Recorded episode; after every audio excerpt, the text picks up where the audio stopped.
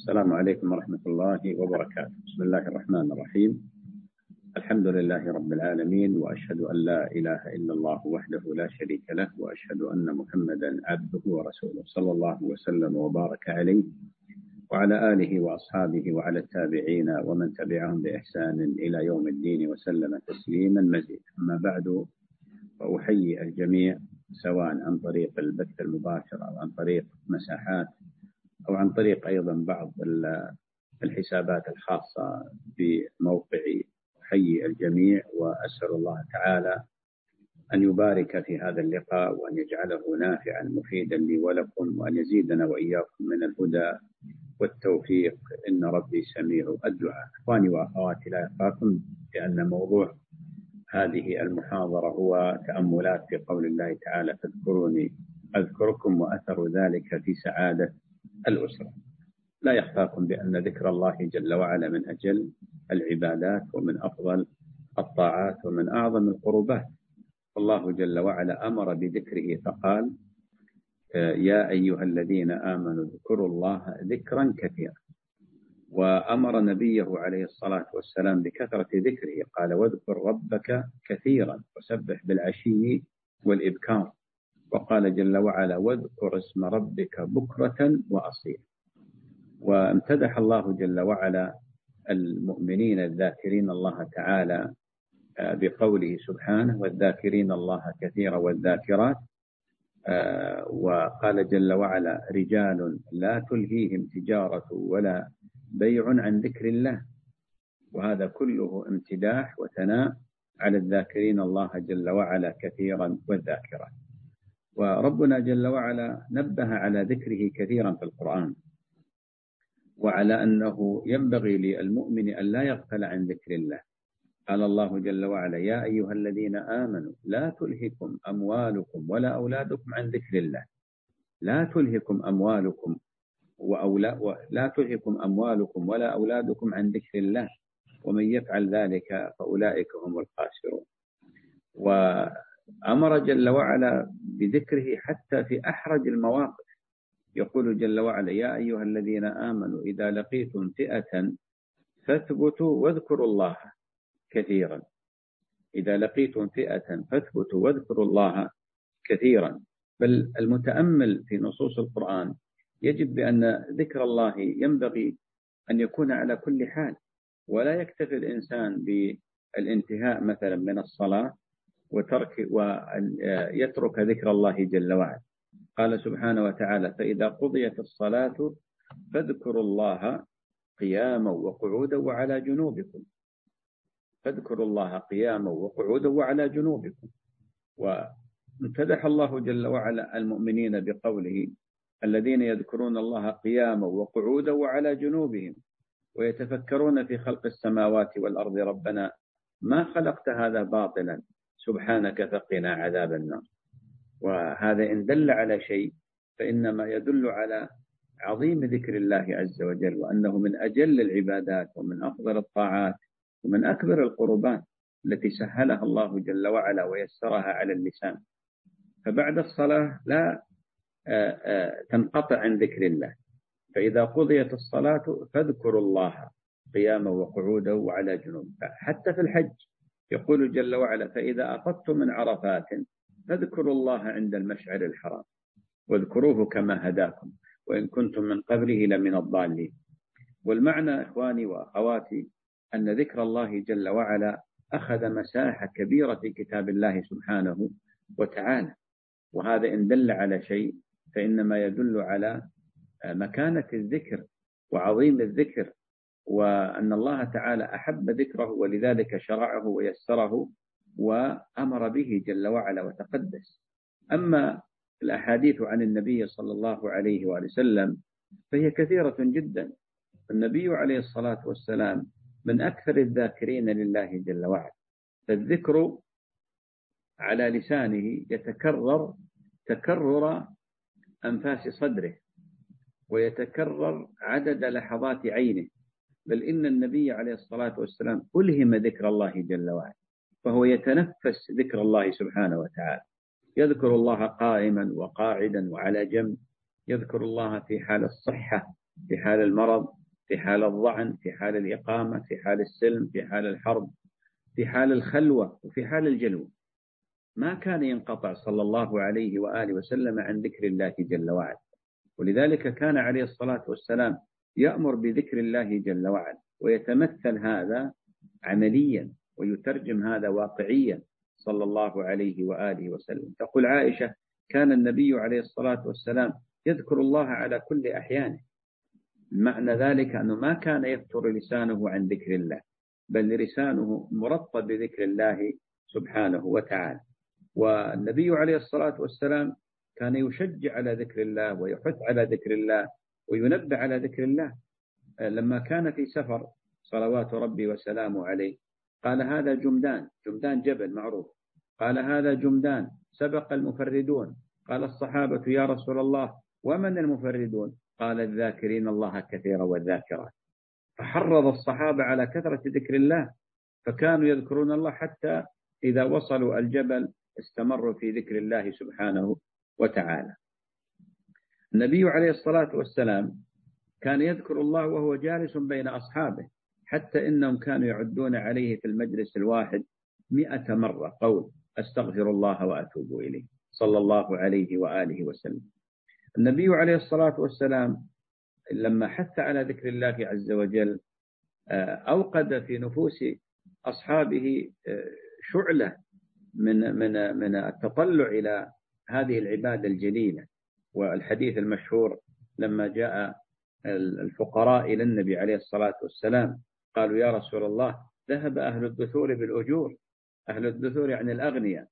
يصلون كما نصلي ويصومون كما نصوم ويحجون كما ثم قال ويتصدقون بفضل أموالهم. نحن فقراء ما عندنا قدرة على التصدق. فقال أولا أدلكم على ما تبلغون به ما بلغ هؤلاء؟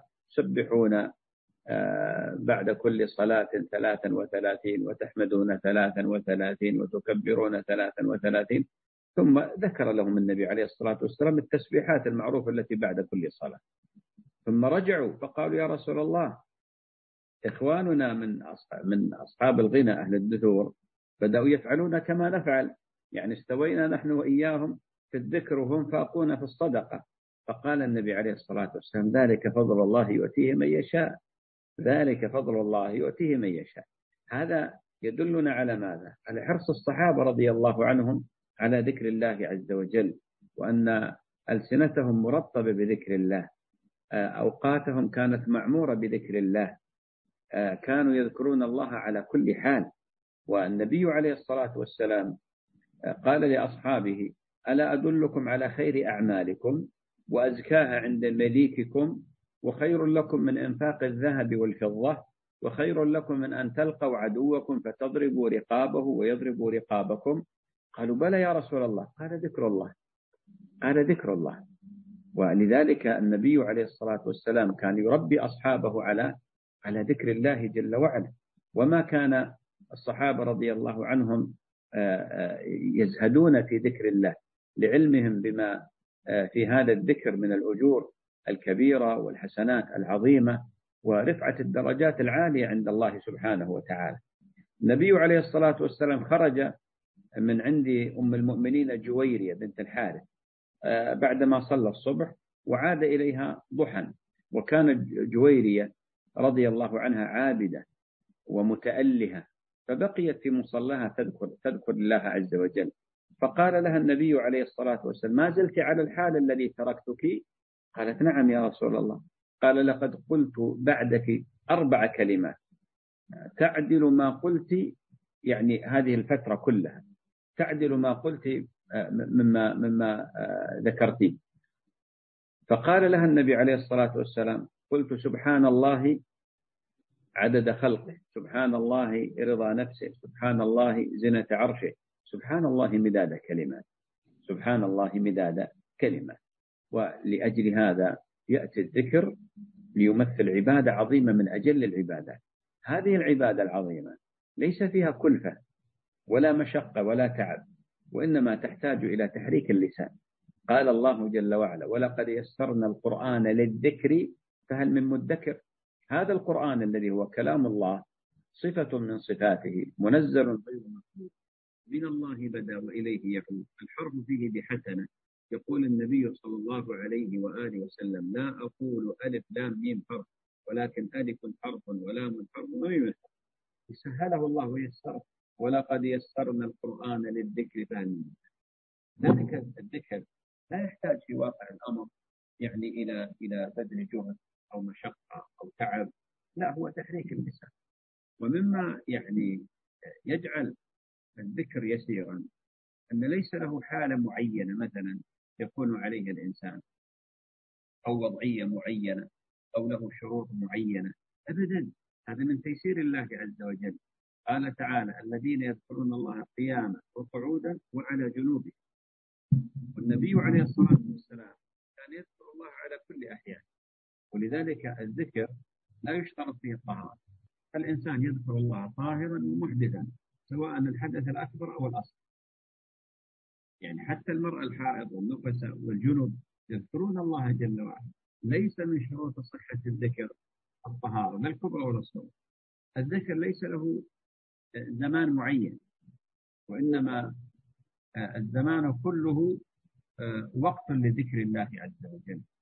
فيذكر العبد ربه جل وعلا على كل حال. الذكر أيضا ليس له يعني كيفية وهيئة معينة يتقصدها الإنسان أبدا. تذكر الله جل وعلا ذكرا على هدي النبي عليه الصلاة والسلام. ولا تتكلف ذلك. ولا تتكلف ذلك. الذكر أيضا من تيسير الله عز وجل لهذه العبادة الجليلة أنه قد يكون باللسان وقد يكون باللسان والقلب وقد يكون بالقلب. لذلك العلماء يقولون بأن الذكر على ثلاثة مراتب المرتبة الأولى أن يواطئ اللسان والقلب. بمعنى لما تذكر الله عز وجل تذكره وأنت مستشعر لمعنى هذا الذكر. فيكون هناك آه، مواطأة بين القلب وبين اللسان. لما تقول سبحان الله استحضر معنى سبحان الله. لما تقول الله أكبر استحضر معنى الله أكبر.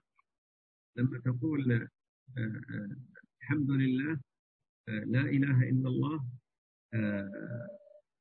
بقية الأذكار تستحضرها بقلبك. هذا أعظم الذكر يوم أن يجتمع القلب مع اللسان الحالة الثانية ذكر القلب.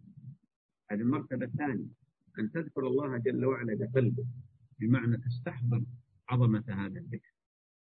تستحضر عظمة هذا الذكر. تستحضر, تستحضر معاني الذكر. وتفهم معنى هذا الذكر. الذي الذي أنت بصدد أمر آخر المرتبة الثالثة مرتبة الذكر باللسان. مرتبة الذكر باللسان. تذكر الله تعالى بلسان. تذكر الله تعالى بلسان. هذا من الذكر هذه المرتبة الثالثة من ذكر الله سبحانه وتعالى. أرأيتم سهولة الذكر؟ ولذلك في الحديث القدسي الصحيح. يقول النبي يقول الله جل وعلا طبعا يقول النبي صلى الله عليه وسلم قال الله تعالى أنا عند ظن عبدي بي أنا عند ظن عبدي بي إن ذكرني في نفسه ذكرته في نفسي وإن ذكرني في ملأ يعني معنى ذكرته في ملأ خير منه. ذكرته في ملأ خير منه. الله أكبر. أن الله تعالى سهل الذكر ويسره وذكرت بأن الذكر على ثلاثة مراتب. أعلى المراتب ذكر القلب واللسان ثم ذكر القلب ثم ذكر اللسان. هذا من تيسير الله عز وجل وهذا فضل الله سبحانه وتعالى. ذلك لا توجد عبادة سهلها الله ويسرها مثل الذكر مثل الذكر. يذكر العبد ربه جل وعلا على كل حال وفي أي مكان وفي أي زمان. الشخص يذكر الله في البيت في الطائرة وهي محلقة في جو السماء ويذكر الله في السفينة. وهي تبخر عباب الماء ويذكر الله في السيارة وفي القطار ويذكر الله في المكتب وفي الشارع وفي المسجد وفي وهو يتنزه وهو يتريض. على كل حال على كل حال ويكسب حسنات عظيمة. هذا الذكر يعني آه، يمتلئ ميزان العبد من الحسنات بسبب هذا الذكر العظيم. وللأسف الشديد الشيطان استولى على كثير من الناس حتى صعب عليهم ذكر الله عز وجل. لذلك تجد بعض الناس سبحان الله العظيم ذكر الله ثقيل على لسانه. والسبب اسمع إلى قول الله تعالى ومن يعش عن ذكر الرحمن نقيض له شيطانا فهو له قريب. نقيض له شيطانا فهو له قريب. سهولة الذكر هذه كما ذكرت الآن مع ذلك كثير من الناس لا يذكرون الله لا كثيرا ولا قليلا. لا يذكرون الله لا كثيرا ولا سبب ذلك احتوشتهم الشياطين. وأصبحت آه، حجر عثرة في طريق ذكر الله عز وجل. الواجب على المسلم أن ينتفض على نفسه وعلى ذاته وأن يذكر الله جل وعلا ذكرا كثيرا وأن يعود نفسه على الذكر. فاللسان إذا اعتاد الذكر تعوده. وأصبح له عادة. وهذا اللسان إلى ذكر الله منقاد على الدوام والاستمرار. على الدوام والاستمرار. أما من لم يعتد ذكر, ذكر الله عز وجل فطبيعي جدا أن ييبس لسانه عن ذكر الله وأن يتصحر صدره عن ذكر الله عز وجل. ولأجل هذا من المهم جدا أن يستثمر الإنسان كل لحظة من لحظات حياته فيعبئها بذكر الله ويستثمرها بذكر الله عز وجل. ترى بعض الناس لديه يعني آه، عدم فهم لقضية ذكر الله. لذلك ذكرت أنا قبل قليل كيف أن النبي عليه الصلاة والسلام كان يذكر الله على كل أحيان. ما كان يمنعه من ذكر الله شيء. ما كان يمنعه من ذكر الله شيء. لذلك يعني مثلا شخص الآن خرج من بيته إلى المكتب للعمل والدوام إلى المدرسة إلى الجامعة إلى المكتب إلى الجمعية إلى أي مكان. بعض الأحيان المسافة من بيته إلى إلى هذا الع... إلى إلى مكان العمل مقر العمل تستغرق نصف ساعة. وبعضهم 45 دقيقة وبعضهم ساعة وبعضهم 10 دقائق. تجد بعض الناس يعني في حالة صمت في السيارة. هذا أنا أتكلم على اللي يعني آه، لا يعني يستمع إلى المحرمات أو أو يعني يأتي بالمخالفات ها؟ لا أتكلم عن أشخاص المفترض أن يكونوا من أهل ذكر الله. هذه الفترة الزمنية تقضيها في صمت.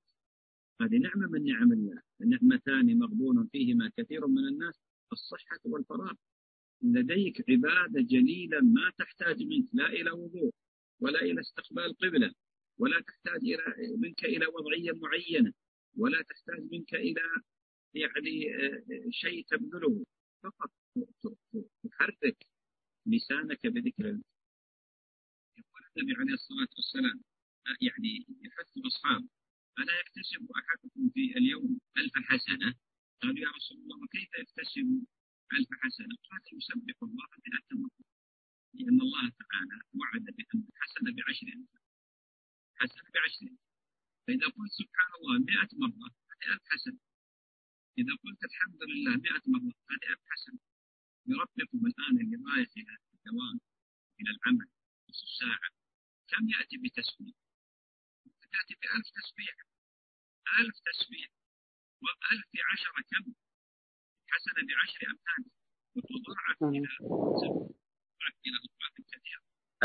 بعض الناس الآن يعني قد يكون ذاهب إلى مقابلة شخصية موعد في عيادة في مطار مثلا في صالة الانتظار في المطار. في أي مكان لديه وقت فراغ كبير. للأسف الشديد تجد أغلب الناس ما عنده اهتمام بذكر الله عز وجل. يعني قد يتصفح جريدة مجلة لكن هناك ما يختطفه مثل هذه الأجهزة الذكية وهذه المواقع. ربما آه، يعني أصبح عنده نزيف في العمر وهدر في الوقت من خلال هذه الأشياء وترك ما فيه خير. ما يعني استعمل ما ضره أقرب من نفعه بل قد يكون ضرر وترك شيء من ذكر الله عز وجل. آه، أيضا يعني يعتقد بعض الناس وللأسف أن ذكر الله خاص فقط في الصالحين. يقولون المطاوعة مثلا المستقيمين أو هذا غير صحيح. الواجب على كل مسلم أن يذكر الله. والواقع العملي سامحوني الواقع العملي ما في مسلم على وجه الأرض إلا ويذكر الله عز وجل. أبدا. ما في مسلم على وجه الأرض إلا وهو يذكر الله لكن يختلفون درجات. فمنهم الموفق الذي هو طائر محلق في ذكر الله عز وجل منهم الفارس الجواد منهم الذي يركض منهم الذي يمشي منهم الذي يزحف زحفا. لذلك مثلا الشخص لو قال بسم الله هذا ذكر الله. إذا قال على الطعام بسم الله ذكر الله. إذا قال لا إله إلا الله ذكر الله. في الصلاة الصلاة إذا كان يصلي هذا من ذكر الله. الصلاة كلها ذكر. الصلاة كلها ذكر ولذكر الله أكبر. آه، لا تلهيهم تجارة ولا بيع عن ذكر الله. قالوا عن الصلاة. فإذا قضيت الصلاة فانتشروا في الأرض. نعم وفي آه، قول الله عز وجل إذا نودي للصلاة من يوم الجمعة فاسعوا إلى ذكر الله. قالوا الصلاة سماها الله ذكر. لماذا؟ لأن مليئة بالأذكار. فلذلك بعض الناس قد يعتقد فقط والله الذكر لا خاص بالمتدينين بالمستقيمين. مثلا يجب على كل مسلم أن لا يعتقد مثل هذا الاعتقاد وأن ينبغي له أن يكون من أهل ذكر الله سبحانه وتعالى. هذا هو هذه عظمة الذكر. طيب نأتي الآن إلى مسألة آه، الذكر المتعلق في البيوت والأسرة الذي فعلا هو سبب من أسباب السعادة. لا يخفاكم إخواني وأخواتي أن ذكر الله جل وعلا كما ذكرت قبل قليل من أجل العبادات ومن أعظم الطاعات. ولذلك واجب على كل مسلم يسعى إلى أن يكون بيته بيتا مطمئنا بيتا تحفه السكينة آه، بيتا تعشعش فيه السعادة بيتا فيه الراحة يجب عليه أن يجعل أول اهتماماته أن يذكر الله جل وعلا فيه وأن يربي أسرته على ذكر الله سبحانه وتعالى. النبي عليه الصلاة والسلام ضرب مثلا لهذه البيوت فقال عليه الصلاة والسلام آه، مثل البيت الذي يذكر الله فيه والذي لا يذكر الله فيه مثل الحي والميت. مثل الحي والميت. ولذلك تجد بعض البيوت صحيح قائمة. أسقفها مرفوعة ومبنية وفيها ناس لكنها ميتة. موتا معنويا. موت بسبب عدم ذكر الله عز وجل. خلت من ذكر الله. وفي بيوت عامرة ولله الحمد بذكر الله سبحانه وتعالى. الحديث الآخر مثل الذي يذكر الله والذي لا يذكر الله كمثل الحي والميت. فأي بيت عامر بذكر الله فهو بيت حي. الحياة الحياة ليست الحياة المادية. لا الحياة الإيمانية الحياة القلبية الحياة التي تحضرها الملائكة الحياة التي ترفض وتكنس الشياطين ومخلفات الشياطين. أما البيوت التي والعياذ بالله أهلها لا يذكرون الله جل وعلا طبيعي جدا. أن تكون بيوت كئيبة بيوت آه، آه، فيها من الأزمات وفيها من الكوابيس وفيها من الأحلام المزعجة وفيها من الخلاف والصراع الشيء الذي يعني يشاهده الناس في حياته ولذلك إخواني وأخواتي من المهم جدا أن نعمر بيوتنا بذكر الله عز وجل. صحيح كما ذكرت أنا غالب المسلمين يذكرون الله لكن يقل هنا ويكثر هنا. طيب كيف أذكر الله في البيت؟ نأتي إلى سيرة النبي عليه الصلاة والسلام وإلى هدي النبي عليه الصلاة والسلام. النبي عليه الصلاة والسلام اختصرت لنا عائشة رضي الله عنها حياته في البيت. كان يذكر الله على كل أحيانه صلى الله عليه وسلم. يعني ما كان يفتر لسانه عن ذكر الله.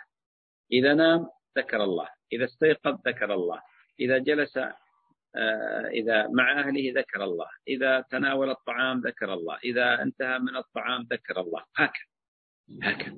هذا اختصار لحياة النبي عليه الصلاة والسلام في بيته. كان يذكر الله على كل أحيانه صلى الله عليه وآله وسلم. ولذلك مثلا دعاء الخروج هذا من ذكر الله. ما ينبغي للإنسان أن أن يهمل مثل هذا الدعاء.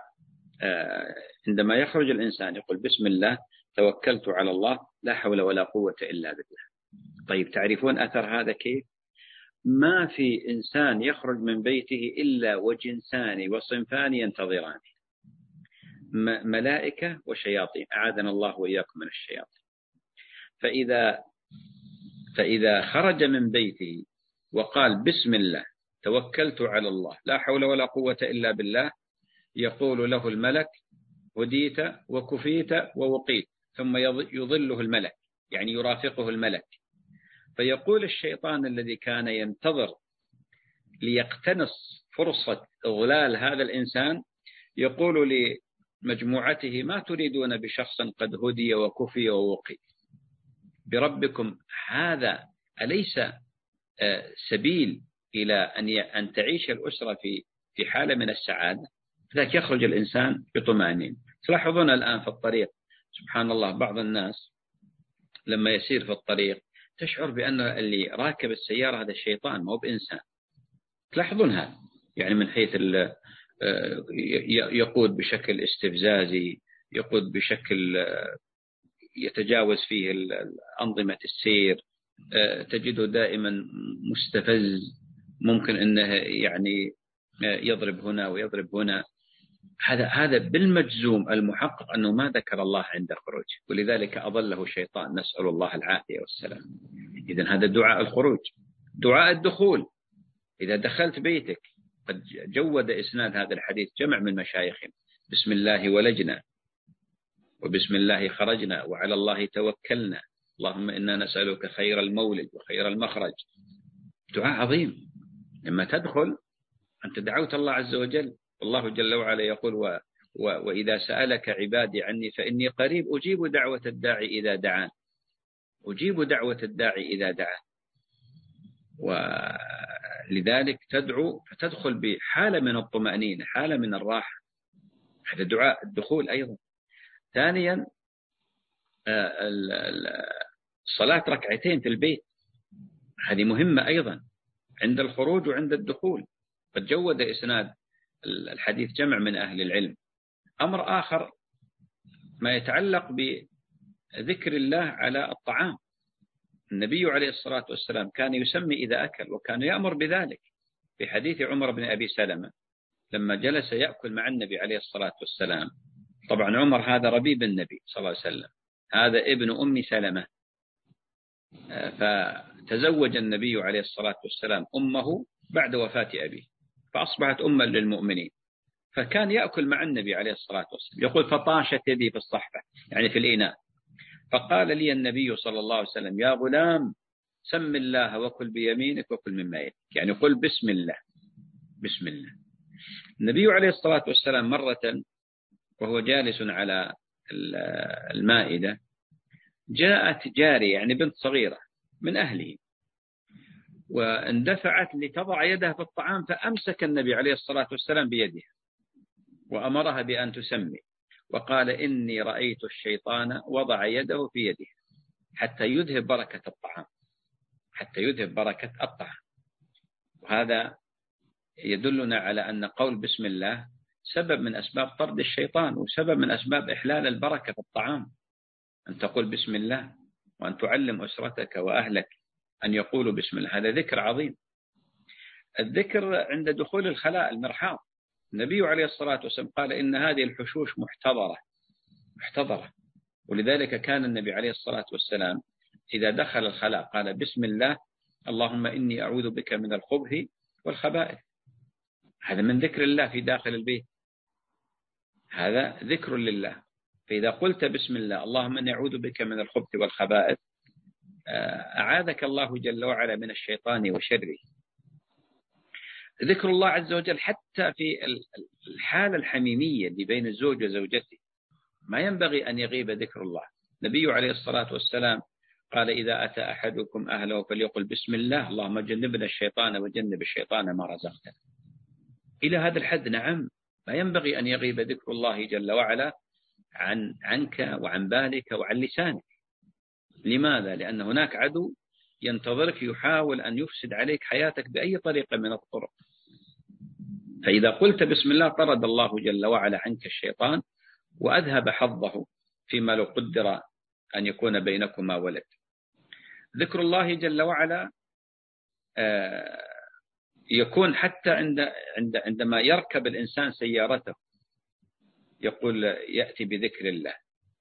ويأتي بالأذكار التي جاءت عن النبي عليه الصلاة والسلام. سبحان الذي سخر لنا هذا وما كنا له مقرنين وإنا إلى ربنا لمنقلبون. وبقية الذكر. وإن كان بعض العلماء يرى هذا بأنه إذا سافر مثلا أو أخذ مسافة بعيدة. لكن عموما هو ذكر ذكر لله عز وجل. ذكر الله عز وجل أيضا ينبغي يكون عند إغلاق الأبواب. فإن الشيطان لا يفتح بابا مغلقا ولا يكشف إناء مغلقا. النبي عليه الصلاة والسلام حتى على تغطية الآنية ولو لم يجد الإنسان إلا عود حتى لا يكون للشيطان حظ ولا نصيب فيها. حمد الله عز وجل على الطعام فأنت كما تسمي على الطعام كذلك تحمد الله. أثناء الطعام وبعد الطعام. تحمد الله عز وجل. أثناء الطعام وبعد الطعام. كان بعض السلف كلما رفع لقمة قال الحمد لله. قال الحمد لله. لذلك ذكر الله عز وجل إذا تأملناه نجده في كل ناحية من نواحي البيت في كل حالة من الحالات. زد على ذلك أن, أن لابد أن يكون هناك ذكر مطلق لله عز وجل. أنا ذكرت بعض الذكر المقيد أن يكون ذكر لله. قراءة القرآن هذا ذكر. خاصة سورة البقرة. النبي عليه الصلاة والسلام قال لا تجعلوا بيوتكم قبورا. فالبيت الذي تقرأ فيه سورة البقرة لا يقربه شيطان. لا يقربه شيطان. يقول اقرأوا البقرة فإن أخذها بركة وتركها حسرة ولا تستطيعها البطل. اقرأوا البقرة فإن أخذها بركة وتركها حسرة ولا تستطيعها البطل. آه كذلك أيضا ما يتعلق بأذكار النوم. في أذكار للنوم. قبل ما تنام هناك أذكار. تقرأ بعض الآيات القرآنية بعض الأوراد النبوية. عندك آية الكرسي من قرأها في ليلة. في ليلة. ليس شرطا أن تكون عند النوم لكن في ليلة.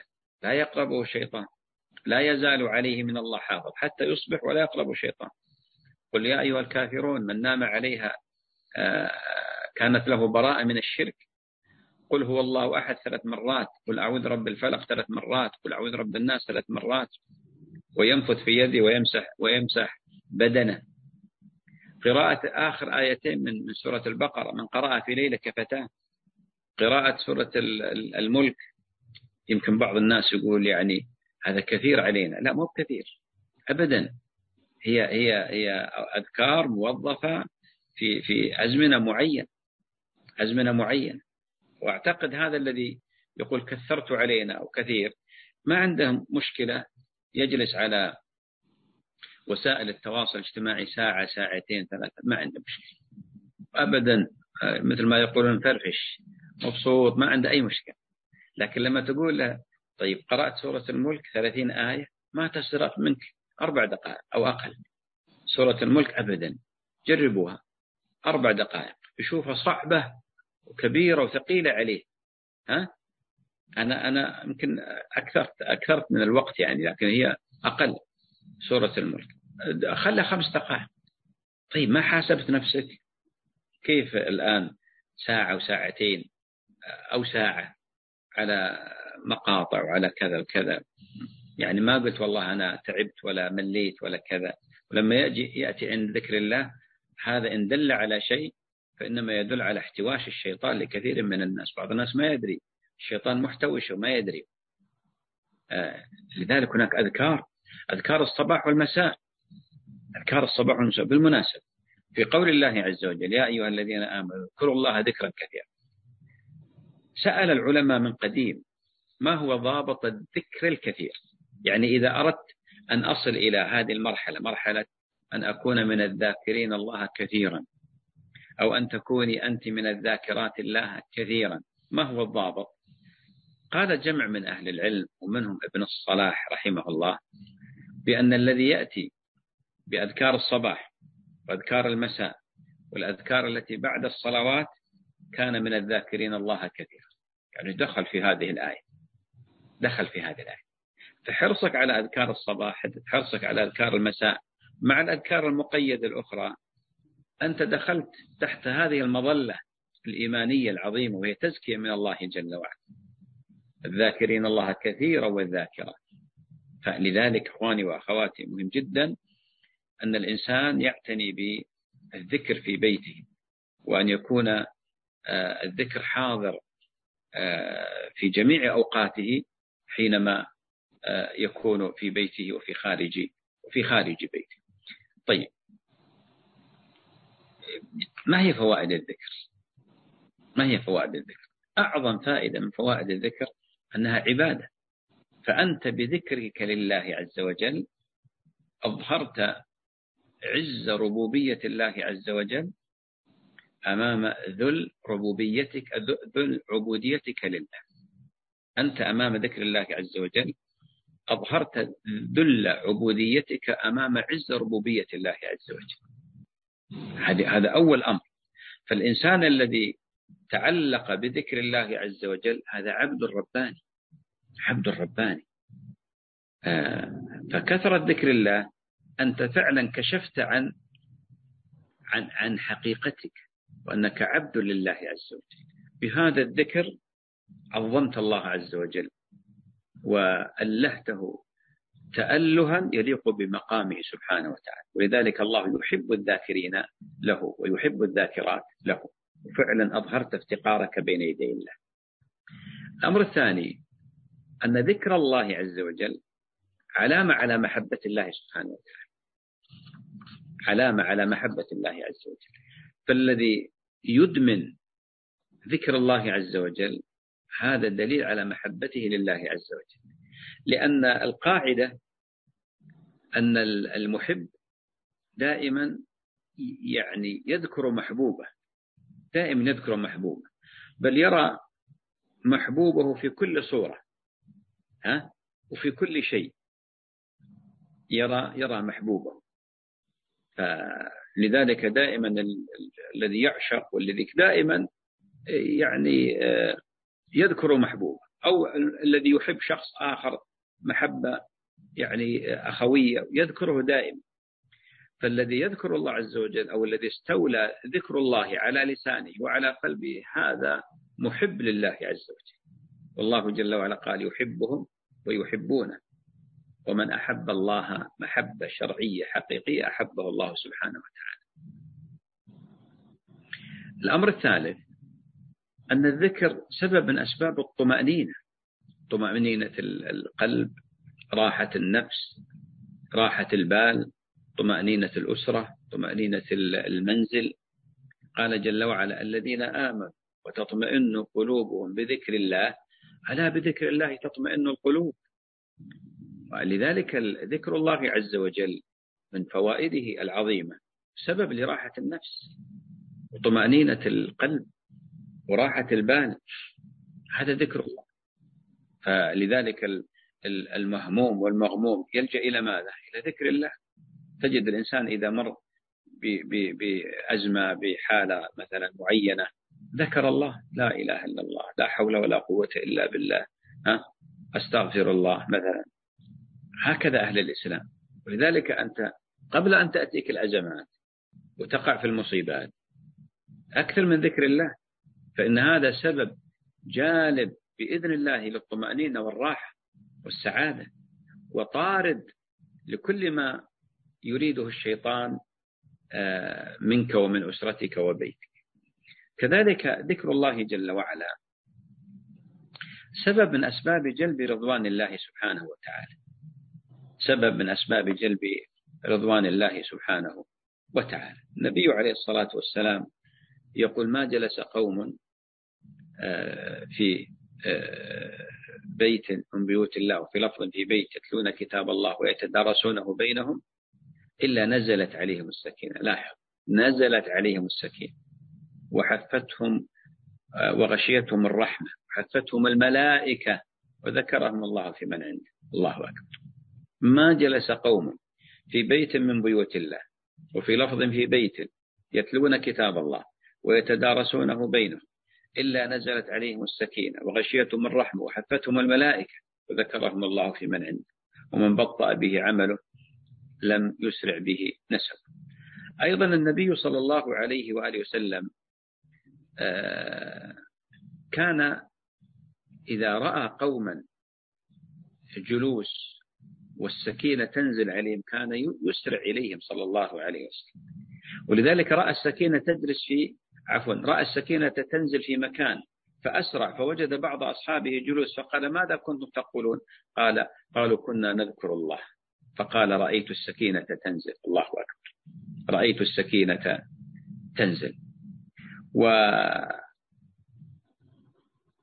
آه، أيضا يقول النبي عليه الصلاة والسلام آه، ما جلس قوم يذكرون الله عز وجل إلا حفتهم الملائكة وغشيتهم الرحمة ونزلت عليهم السكينة. نزلت عليهم السكينة. فهذا من من آثار وثمار ذكر الله سبحانه وتعالى. أمر آخر أن ذكر الله جل وعلا سبب من أسباب طرد الشيطان. أشد ما على الشيطان هو ذكر الله جل وعلا. ولذلك الشيطان يهرب من ذكر الله. الأذان إذا أذن المؤذن يهرب الشيطان ويحدث. إذا سمع الإقامة هرب. أشد ما على الشيطان هو ذكر الله. ذكر الله كمطارق الحديد. ذكر الله كالسهام الخارقة. ذكر الله كالشهب الشهب الحارقة للشيطان. فيفر من ذكر الله. لذلك أنا ما أعتقد في مسلم يعني يتمنى أن يدخل بيته الشياطين. إذا أردت سلاحا تطرد فيه الشياطين فعليك بذكر الله سبحانه وتعالى. عليك بذكر الله. فإن ذكر الله مجلبة للملائكة مطردة للشيطان.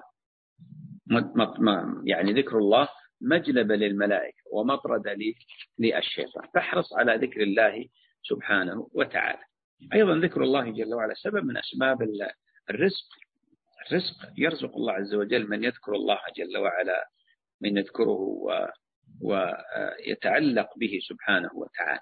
ولذلك وردت نصوص كثيرة تفيد هذا المعنى. طيب. ما هي الخطوات العملية التي من خلالها نستطيع فعلا أن نجعل بيوتنا عامرة بذكر الله؟ ما هي الخطوات العملية التي فعلا نستطيع من خلالها أن نجعل هذه البيوت سعيدة وعامرة بذكر الله سبحانه وتعالى. أول خطوة من الخطوات أنت وأنت. أيها الأب أيتها الأم. أنتم القدوة للأسرة كلها. فإذا كنتم من الذاكرين الله عز وجل ومن الذاكرات الله عز وجل اقتدى بكم أهل البيت. الأولاد الخدم كل من في البيت. إذا رأيتم إذا رأى رآكم من في البيت تكثرون من ذكر الله آه، أخذوا والتقطوا منكم هذه العبادة وهذه الطاعة لأن طبيعة الأولاد تقليد الآباء والأمهات. وهذه يقولون الولد سر أبيه والبنت سر أمها. فإذا كنتم قدوة ومثال لذكر الله عز وجل أخذ منكم الأولاد هذا الأمر. ولذلك من المهم جدا على الوالدين أن يعتني بذكر الله عز وجل وأن يظهر هذا الذكر. هذا الأمر الأول. الأمر الثاني التربية والتعليم. التربية والتعليم. النبي عليه الصلاة والسلام كان يربي ويعلم على ذكر الله.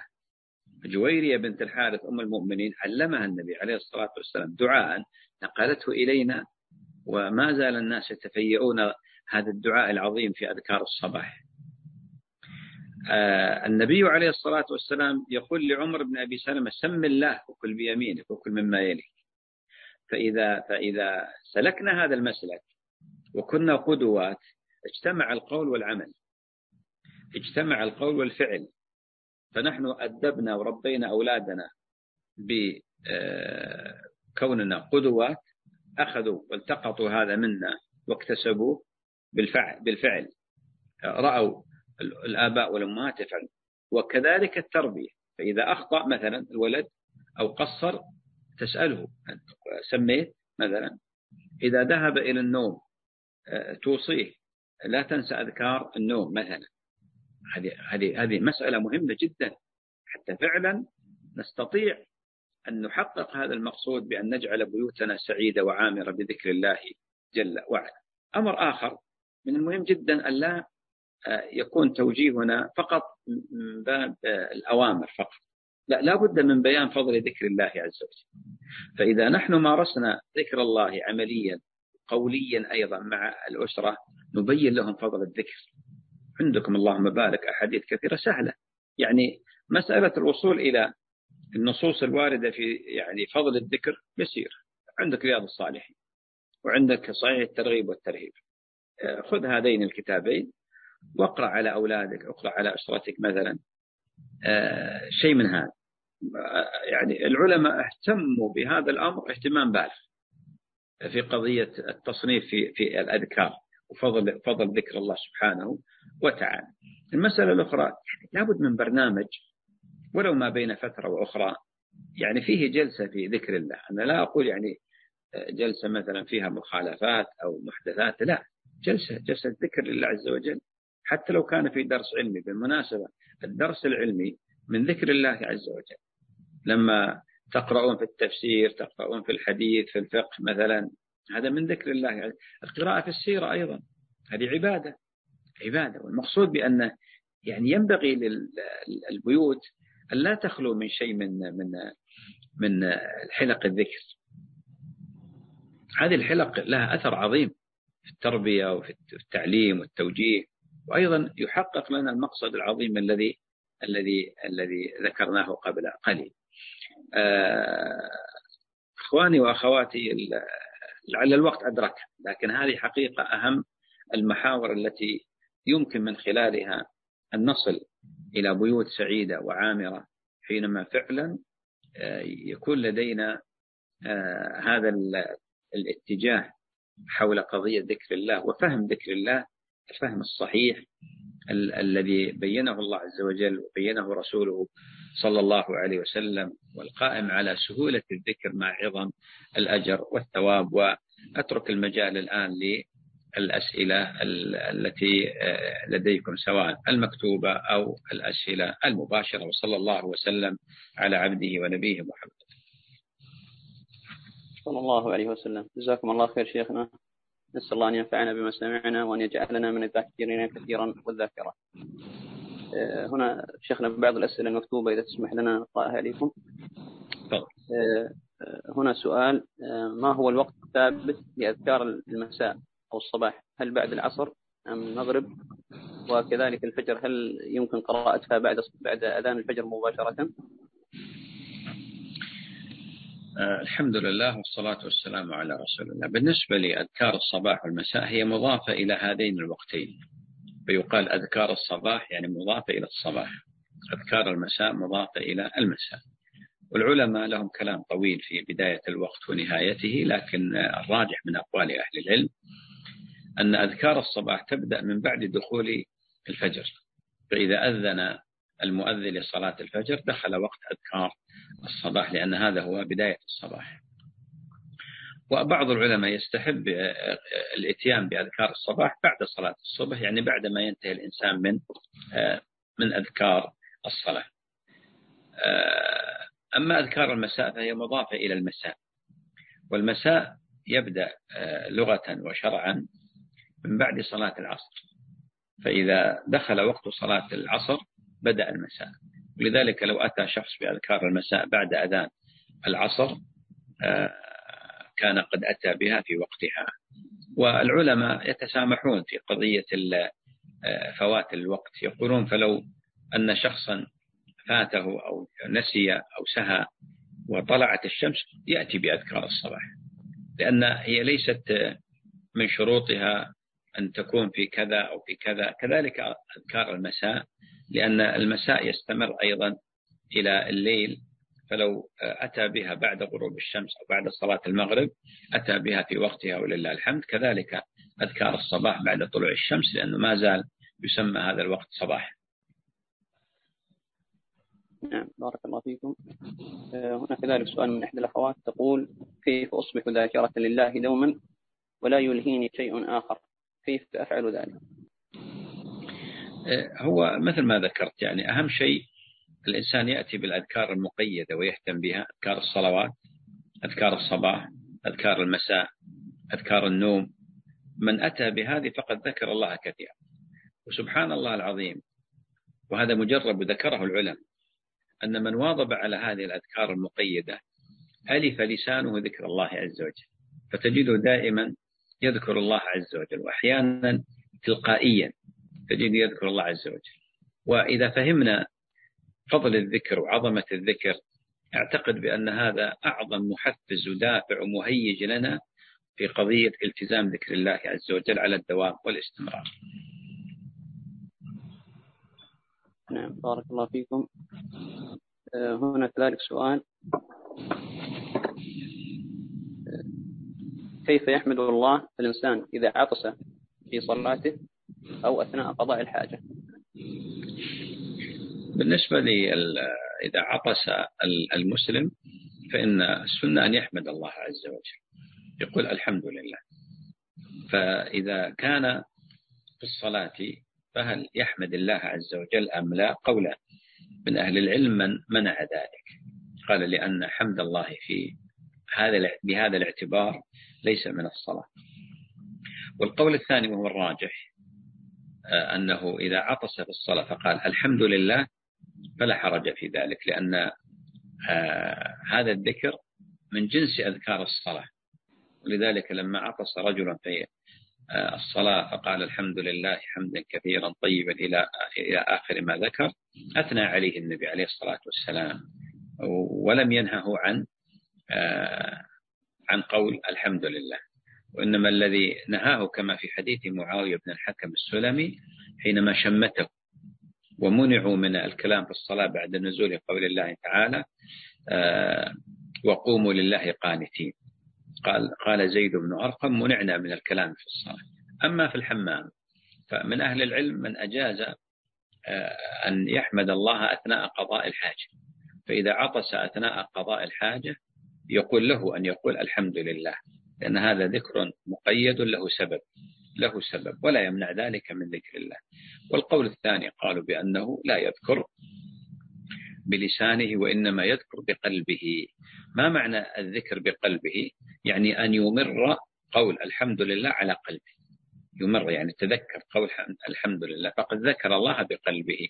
هذا الذي يظهر لأنه الصواب والله أعلم. الله فيكم شيخنا هنا كذلك سؤال. هل يشترط تحريك اللسان أثناء الذكر؟ الحمد لله. كما ذكرت أنا قبل قليل الذكر على ثلاثة مراتب المرتبة الأولى ذكر القلب مع اللسان. يعني أن يقول الحمد لله فيواطئ القلب اللسان ويفهم معنى قول الحمد لله ويتذكر نعم الله عليه. سبحان الله تنزيه لله عز وجل. الثاني ذكر القلب. هذا ولا يلزم فيه ذكر تحريك اللسان وإنما يذكر الله بقلبه. يذكر الله بقلبه. هذا يسمى ذكر أيضا. ذكر. ذلك تجد بعض الناس الآن في بعض مثلا المجالس يقول أنا ما أذكر الله بلساني. لماذا؟ قال أخشى أن يقولوا مراهي. طيب اذكر الله بقلبك. كيف أذكر الله بقلبي؟ وأنا جالس ها أستحضر. الحمد لله سبحان الله لا إله إلا الله الله أكبر لا حول ولا قوة إلا هذا ذكر. تذكر الله بقلبك تذكر عظمة الله تفكر في آيات الله الكونية في آيات الله الشرعية هذا ذكر لله. أما ذكر اللسان ذكر اللسان لا بد من حركة اللسان لأن الصمت هذا ما يسمى قول. الصمت عدم تحريك اللسان ما يسمى قول. فإذا ذكرت الله بقلبك ذكرك الله في نفسه سبحانه وتعالى. إذا ذكرت الله بلسانك مع قلبك فهذا أعظم. نعم.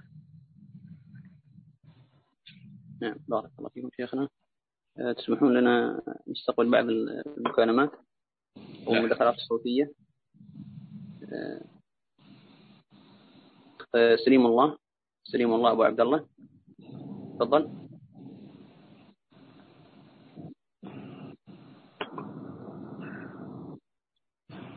الأخ سليم الله.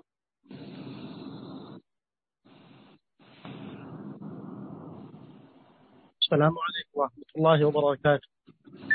السلام ورحمة الله وبركاته. الله يبارك فيكم. المعذرة كان الميك من جهتكم أظن كان مغلق. بارك الله فيكم شيخنا الكريم. عندي سؤالين. السؤال الأول شيخنا الكريم بالنسبة للذكر ذكر الله عز وجل. يعني هل ينظر إلى ما حدده النبي صلى الله عليه وسلم من العدد؟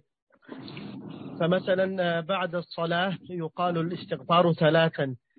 آه، إذا قلنا مثلا لبعض الإخوة لا تزيدوا على هذا العدد لأنه حدده النبي صلى الله عليه وسلم آه، فيقولون يعني وما المانع من ذلك؟ فهو ذكر. فالتوجيه في هذا سلمكم الله. والسؤال الثاني بارك الله فيكم كيفية قراءة المعوذات قبل النوم؟ ذكرت ذكرتم ثلاثا ثلاثا. آه، ما فهمت جيدا. بارك الله فيكم. بارك الله فيك يا شيخ سليم وأحسن الله إليك. وأحسنت على هذه الأسئلة المهمة النافعة التي تسد ثغرات آه، في موضوع آه، في موضوعنا. أولا بالنسبة لما يتعلق بالأذكار، الأذكار إخواني وأخواتي على قسمين، أذكار مطلقة وأذكار مقيدة. الأذكار المطلقة هذه التي ليس لها آه، يعني ليس لها عدد معين وليس لها مكان معين وليس لها هيئة ولا حالة معينة. الذين يذكرون الله قياما وقعودا وعلى جنوبه فمثلا شخص يريد أن يقول سبحان الله قل سبحان الله مئة مرة مئتين ثلاثمائة أربعمائة ألف ألفين. وشخص يقول أريد أن أقول لا حول ولا قوة إلا بالله. قل ما شئت. هذا يسمى الذكر المطلق. هذا الذكر المطلق يذكر الله على كل حال. ومن دون تحديد عدد ومن دون زمان ولا مكان. هذا يسمى الذكر المطلق. الذكر المقيد يجب في الذكر المقيد أن يلتزم الإنسان فيه العدد والزمان والمكان والهيئة والحالة. وهذا مهم. أما من جهة العدد فلا يجوز للإنسان بعد الصلاة أن يقول أستغفر الله أربع مرات. لماذا؟ هذه بدعة. إذا تعمد ذلك فقد زاد. كأنه زعم بأن النبي عليه الصلاة والسلام قصر في هذا الأمر. حتى لو كانت سنة. حتى لو كانت سنة. فكأنه يقول النبي صلى الله عليه وسلم قصر ما أعطانا إلا ثلاثة لا أنا بجيب أربعة. لذلك بعض الناس الآن يعتقد بأن الخطأ في الدين في النقص. لا. صحيح لكن الزيادة أضر من النقص لأنك تبتدع في دين الله تزيد في دين الله. فلذلك الأعداد مهمة جدا. الآن عندنا الاستغفار ثلاث مرات بعد الصلاة نلتزم ثلاث مرات.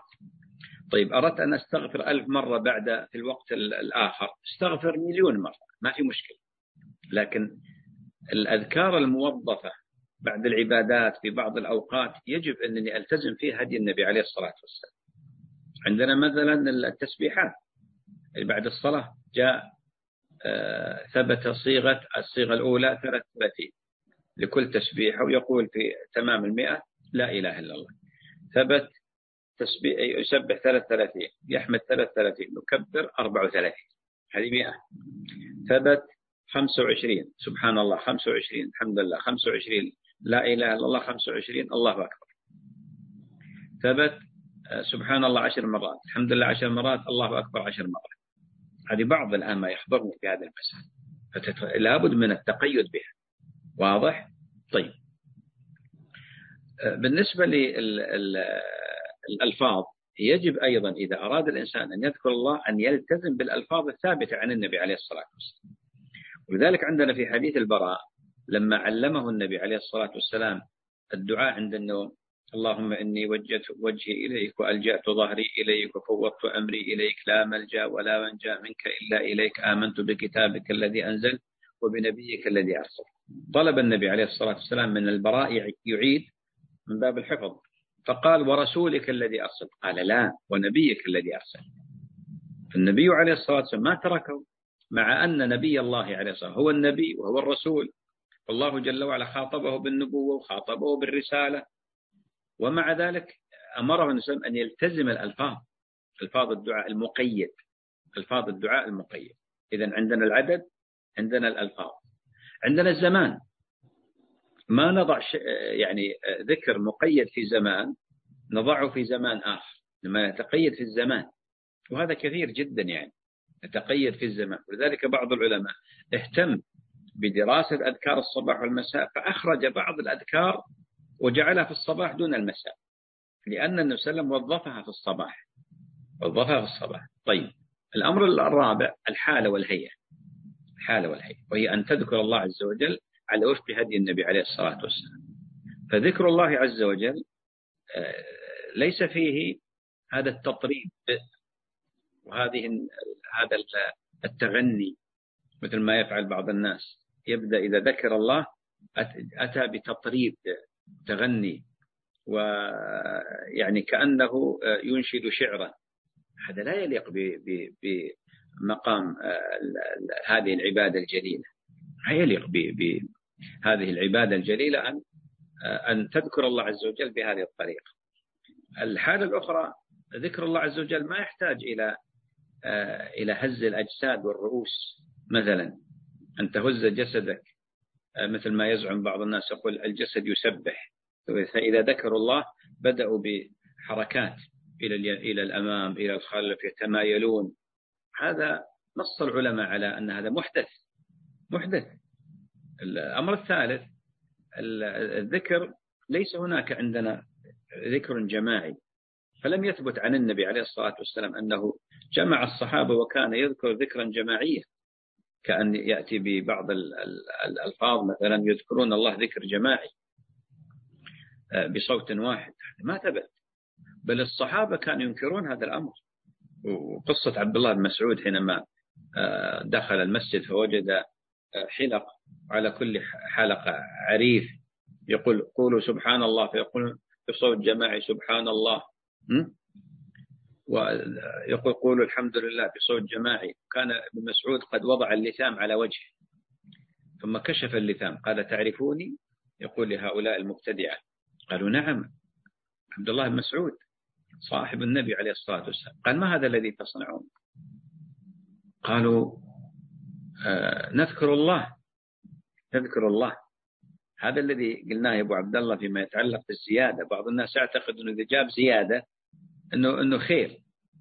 فقال عبد الله بن مسعود: هذه ثياب رسول الله لم تبلى وآنيته لم تكسر وأصحابه بينكم متوافرون. أبيتم إلا أن تبتدعوا؟ يعني النبي صلى الله عليه وسلم ما مات إلا قريب. الآن تغيرون سنته؟ فقالوا يا يا أبا عبد الرحمن والله ما أردنا إلا الخير. قال كم من مريد للخير لا يدركه. يقول الراوي فرأينا تلك الوجوه. لاحظ سبحان الله كيف البدعة تتطور. البدعة تبدأ صغيرة فتكبر. يقول رأينا تلك الوجوه تقاتلنا يوم النهروان. أصبحوا خوارج. يقاتلوا قاتلوا علي رضي الله قاتلوا الصحابة. فتطورت البدعة لما رفضوا نصيحة ابن مسعود. ومنهم من استجاب. ولذلك من المهم جدا أن نفهم بأن بأن الهيئة للذكر ما عندنا هيئة معينة. نجتمع يحصل هز رؤوس أو تمايل بالأجساد أو الصوت الجماعي. يجب أن ننتبه لهذا ونقرأ. هذه دواوين السنة بين أيدينا. هذا هو هدي النبي عليه الصلاة والسلام. ما كان يفعل مثل هذه التي يفعلها بعض الناس. طيب.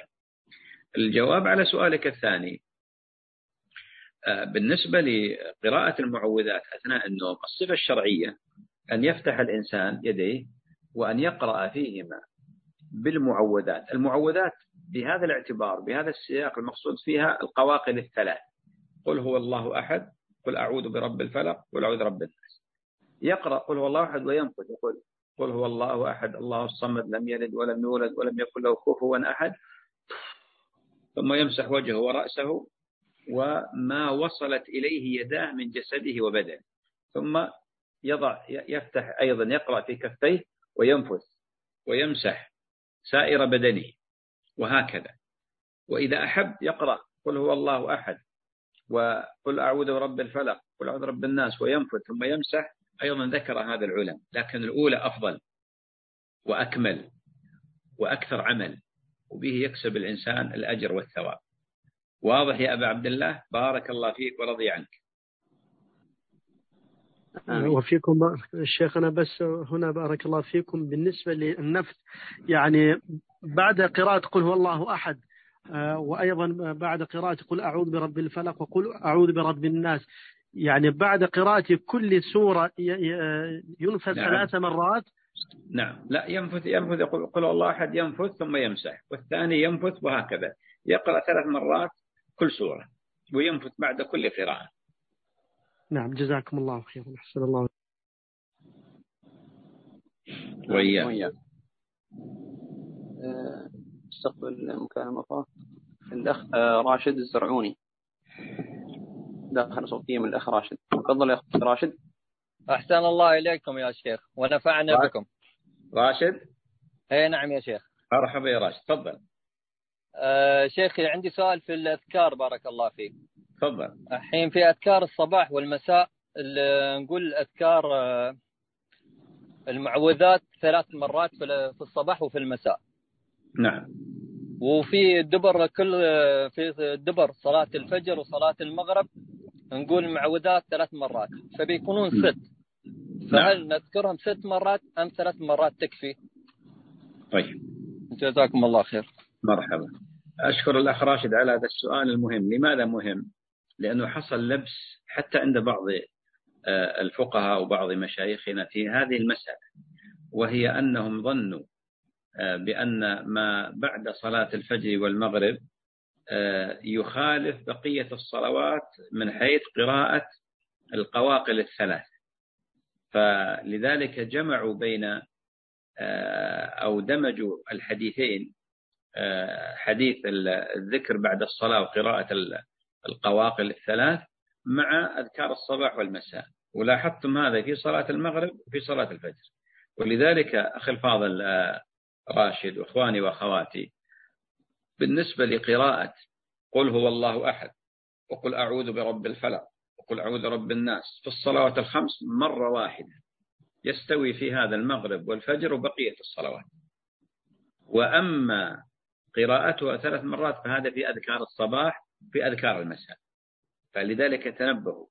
فلا تقرأ ست مرات في صلاة بعد صلاة الفجر مع أذكار الصباح ولا تقرأ ست مرات في صلاة المغرب مع أذكار المساء وإنما القاعدة والضابط في هذا أن جميع الصلوات الخمس من السنة أن يقرأ بعدها بالقواقل الثلاث مرة واحدة. أما مسألة الثلاث هذه فهذه من أذكار الصباح. والثلاث أيضا في المساء من أذكار المساء. بارك الله فيك. تفضل يوسف. آمين. وفيكم الأخ يوسف. الأس- الأخ يوسف درامي. السلام عليكم. عليكم سلام. السلام الله سعادة الدكتور حياكم الله بارك الله فيكم. أهلا وسهلا يوسف. آه طيب دكتور يعني الشبكة اتربت عندي لما كنتم تذكرون قضية الذكر اللي آه، ذكر ذكره النبي صلى الله عليه وسلم لما رجع من المسجد ووجد أم, أم المؤمنين جويرية. إيه. نعم أريد أن تساعدونا توضح هذه القضية إن قليلا شاء الله. والسؤال الثاني دكتور آه، مثلا القراءة الجهرية في الصلوات هل يكفي واحد يقرأ بدون أن يحرك لسانه؟ لأنني رأيت هذا كثيرا. مثلا صلاة الصبح وما إلى ذلك. إذا سبق لا تسمع منه يعني كأنه لا يحرك لسانه. هل هذا يجزئه أم لا؟ إن شاء الله. أبشر يا يوسف خيرا دكتور. بارك الله فيكم. أهلا وسهلا. أما ال- الذكر الوارد في حديث جويرية بنت الحارث أم المؤمنين رضي الله عنها فهو قول سبحان الله وبحمده عدد خلقه سبحان الله وبحمده زنة عرشه سبحان الله وبحمده بداد كلماته سبحان الله وبحمده رضا نفسه. أعيد يا يوسف ها؟ إذا كنت تريد أن تسجلها. سبحان الله وبحمده عدد خلقه. سبحان الله وبحمده رضا نفسه. سبحان الله وبحمده زنة عرشه. سبحان الله وبحمده مداد كلماته. هذه تقولها ثلاث مرات في أذكار الصباح والمساء بالنسبة لمن يصلي من دون أن يحرك لسانه فما صلى. من يصلي ولا يحرك لسانه فما صلى. لأن الصلاة فيها ذكر ومن هذا الذكر ما هو ركن قراءة الفاتحة. ومنه ما هو واجب. مثل الت- تس- تسبيحة الركوع الواحدة وتسبيحة ال- السجود الواحدة وأيضا التشهد الأخير ركن من أركان الصلاة. فمن أطبق شفتيه فما صلى. أما من حرك لسانه ولو لم يسمع نفسه أو يسمع جاره فالراجح من قول أهل العلم صحة صلاته. وقد اختار هذا أبو العباس ابن تيمية رحمة الله عليه.